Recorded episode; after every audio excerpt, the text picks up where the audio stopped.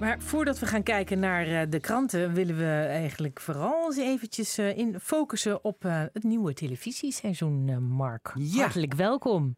Ja, Ben jij echt iemand die dan heel graag Ja. uitgebreid in nieuwe programma's gaat bekijken? Ja met zo'n eh, zakje Chipito's altijd erbij. Oh, lekker. Oh, lekker. Die is, eh, heel vies zijn die eigenlijk. Maar je moet als je dan... ehm, je kan natuurlijk op een paar manier, manieren kijken. Je kijkt altijd even naar de nieuwe sterren. Hè. Wie melden zich aan de zijlijn en gaan het veld in? Nou ja, dan zijn natuurlijk de, de Galit is natuurlijk de grote naam, die onbekende naam, hè, die met Sophie de vooravond gaat doen. Ja, dus op hem Sophie gaan we letten. Dan moeten we misschien zo nog maar even hebben. Dan hebben we ook nog Johnny de Mol bij de commerciële die goed, eh, het goed gaat doen. Eva Jinek komt terug. Hè. Gaat zij nu even laten zien wie de beste is. Het, nu Jeroen Pauw natuurlijk eigenlijk heeft aangegeven dat hij niet terugkomt. Hè. Dat hij coach is van deze mensen. Dus je zou kunnen zeggen dat Jeroen Pauw niet meer speelt. Maar trainer is geworden. Nou ja, zo ga je dan eh, daar een beetje naar kijken. Precies. Even die, en die Khalid, die komt eh, uit de advocatuur. Hij heeft totaal geen eh, televisiemaker en ook geen journalistieke achtergrond. Dat was wel opmerkelijk. Dat was opmerkelijk. Maar het rare is, ik ken deze jongen. Ja, niet om nou heel erg over mezelf te hebben. Maar ik heb een tijdje een bedrijfje gehad. En daar kwam hij wel eens binnen. En hij had wel aanleg tot journalistieke eh, vragen stellen. Hij was een eigenwijs kereltje. Dus het is niet zo dat hij helemaal niets kan. Dat Of- hebben alle advocaten eigenlijk, ja, toch? nou, dat, dat- hij had, wat, wat, wat ik wel goeie. goed aan hem vond, die keren dat ik hem heb ontmoet, dat hij dus wel altijd eh, de andere kant van een verhaal kon zien. Hè? Precies wat je zegt, wat een advocaat, advocaat goed kan. Eh, aan de andere kant heeft hij wel toch een, een, ja, een, een vlekje, hè? Dat is een beetje weggepoetst, maar dat hangt toch wel. Hij, hij was natuurlijk advocaat van het kantoor, ehm, ja, die ook de, de kroongetuigen bij, bij hem eh, stond, hè? Peter R. de Vries.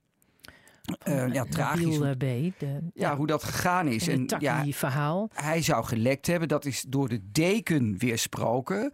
Ehm, dus ja, dat, dat, is, dat is van de baan. Maar ik zou.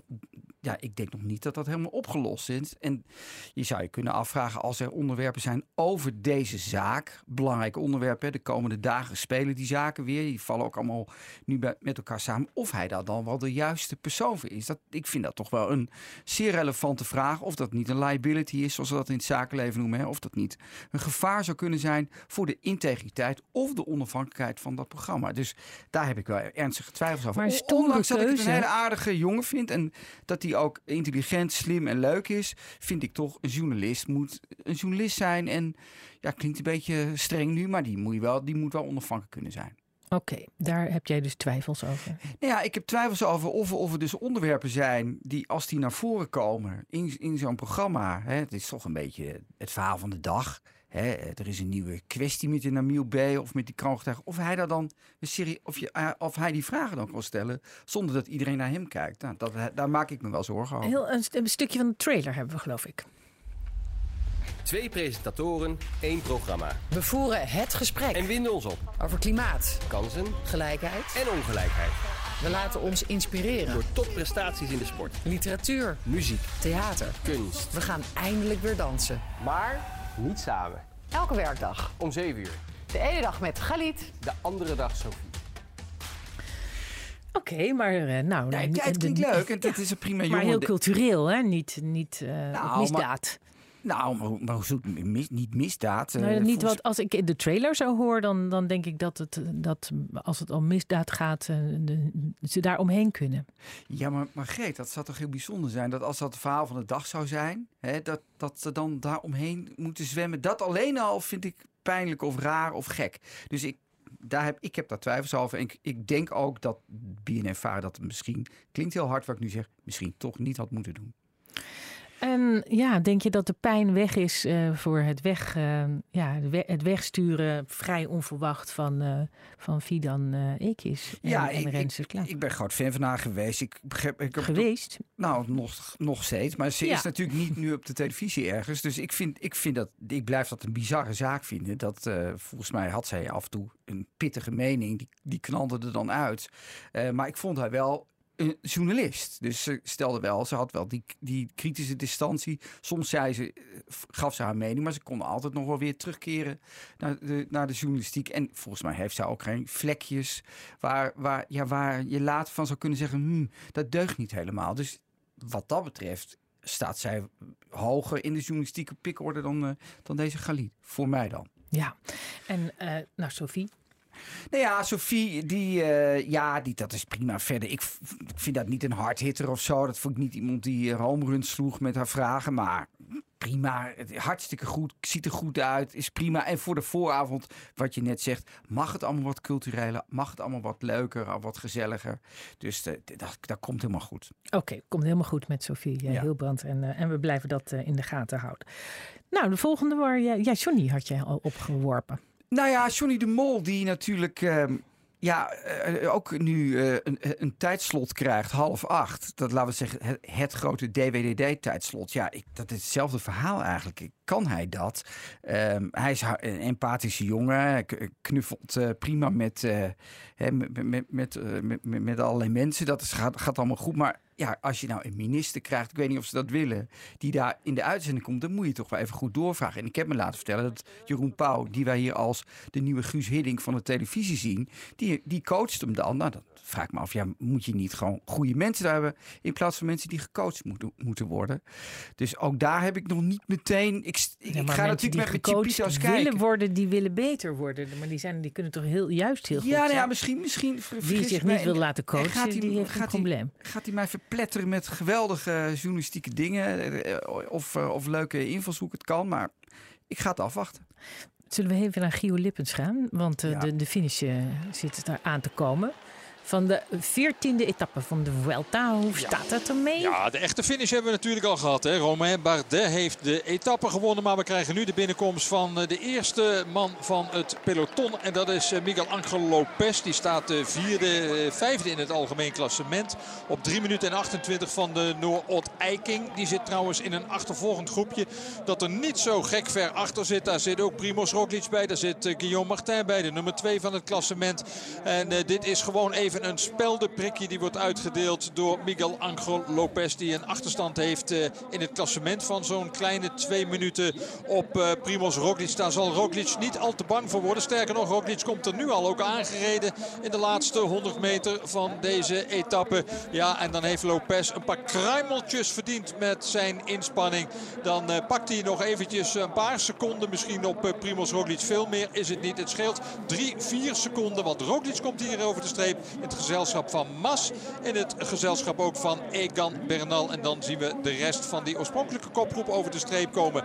De rode trui, ja, die zie ik daar aankomen. Maar die verliest niet voldoende om uit die rode trui gereden te worden. Dat betekent dus dat de Noor-Ot Eiking ook in deze bergetappe zijn uh, leiderspositie in het algemeen klassement behoudt. Winnaar van de etappe dus Romain Bardet. De klassementsrijders, ja, die hebben eigenlijk nauwelijks voor elkaar ondergedaan. Uh, je had het al voorspeld dat dat aan het klassement waarschijnlijk uh, geen verschuiving zal geven. Dankjewel, Gio Lippens. We waren gebleven bij uh, Johnny de Mol. Ja.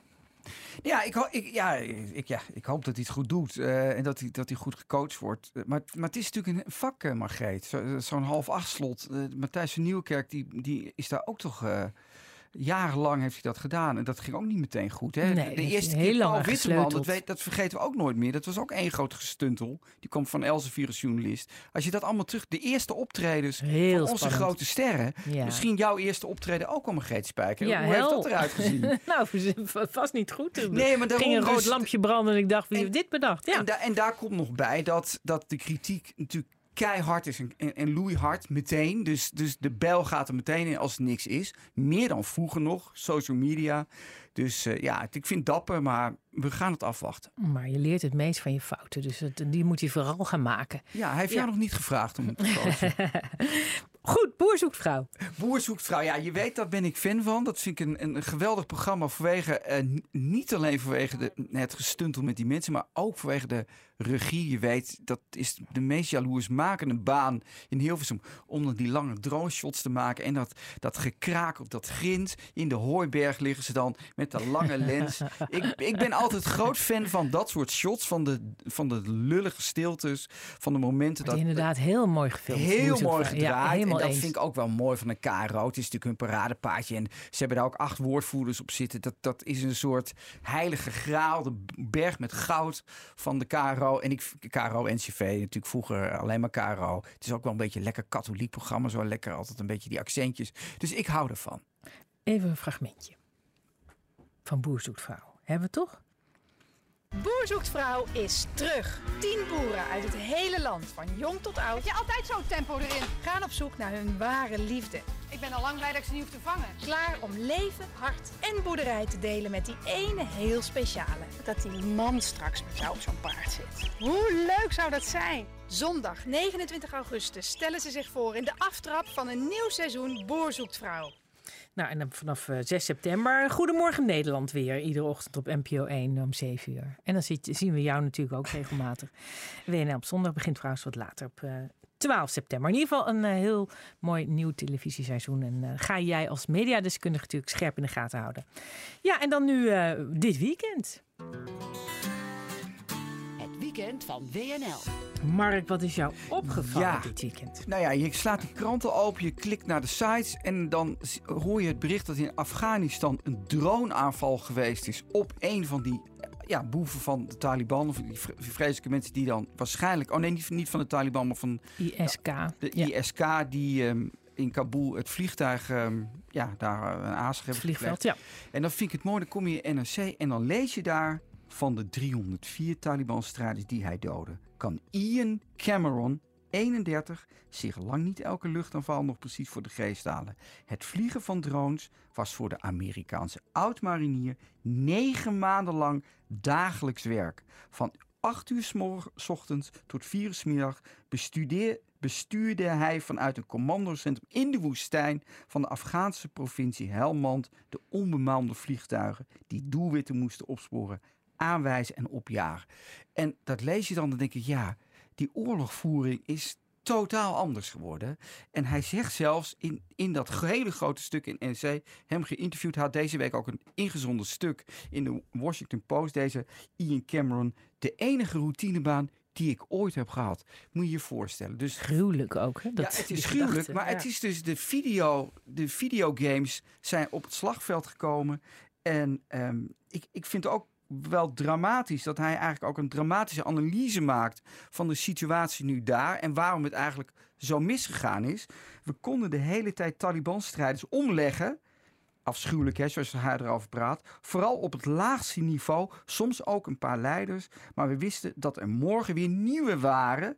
En dit gold eigenlijk voor de hele missie. Je kunt een heel leger opleiden en uitrusten. Maar als de politieke wil bij de militairen ontbreekt om te doen wat ze moeten doen, heeft het geen zin. Dus daar zit het, ik vond dat een, een alineaatje heel ver weg in het stuk. Maar dacht ik, ja, hebben we het dan niet goed in de gaten gehad?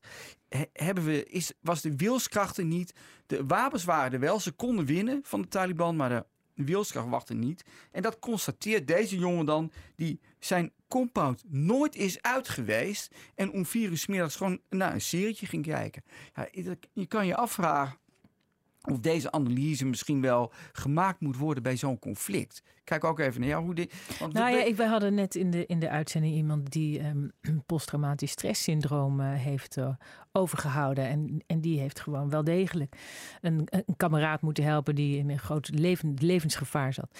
Dus dat is een hele andere orde, maar, maar die hebben we ook. En die hebben dus denk ik wel een stuk zwaarder dan iemand die gewoon aan knoppen zit. Het heeft wel iets heel kils. Ja, maar je zou ook kunnen zeggen, Obama was natuurlijk de grote drone, eh, hè, de drone-oorlogsman. Hè. Hij heeft natuurlijk... ehm, eh, Maar dan leek het dus minder erg. Dan Maar leek je- het minder maar erg, je maar- weet niet meer wat je doet. Ja, je weet niet meer wat je doet, maar misschien ook wel omdat er geen mensen, weinig mensen op de grond waren, dat die interactie er niet is geweest. Hè? Ik denk hardop. En dat er ook daarom ook helemaal die, dat die Afghanen toch aan zichzelf overgeleverd zijn. En dat ze ook dachten, nou laat maar zitten. En dat dit nu het gevolg is. Ik baseer me op dit goede verhaal in de NRC. Moet iedereen, voor wat mij betreft, lezen. Eh, ja, ik vond ook goed dat die journalist, dan, die ziet dat stuk in de Washington Post, rijdt naar die man toe in Californië, of waar die dan ook zat. Doet dat interview, drukt dat af, vind ik goed. Dan een opmerkelijk stuk in Trouw. De rehabilitatie van de pandjesprins. Nou, de pandjesprins, we weten allemaal. Prins Bernhard, de grote man achter Zandvoort. En deze week in opspraak omdat hij chef special gratis wilde laten optreden. Hij schreef een e-mailtje, jongens, kom hier even langs. Het is hier Maar hartstikke iemand druk. namens hem. Ja, Nou, nou goed, maar goed. eh, hij is daar de baas. Dat toch? Maar het mooie is dat Dagblad Trouw hebben hem gewoon eens even langs de meetlat gelegd. Wat heeft hij nou precies betekend voor Zandvoort? Conclusie, heel veel. Hij is superbelangrijk geweest. Ze citeren wel wat vrienden van hem, onder meer Allard Kalf. Formule 1 presentator en die zegt: zonder de Max-factor was het niet gelukt. Maar zonder Bernard helemaal niet. Hij praat met Bernie Ecclestone, hè, de grote man van de Formule 1. En dan speelt de vraag: wil je Formule 1 in Zandvoort? De Formule 1-baas hoeft dan geen ja te zeggen, maar wel aangeven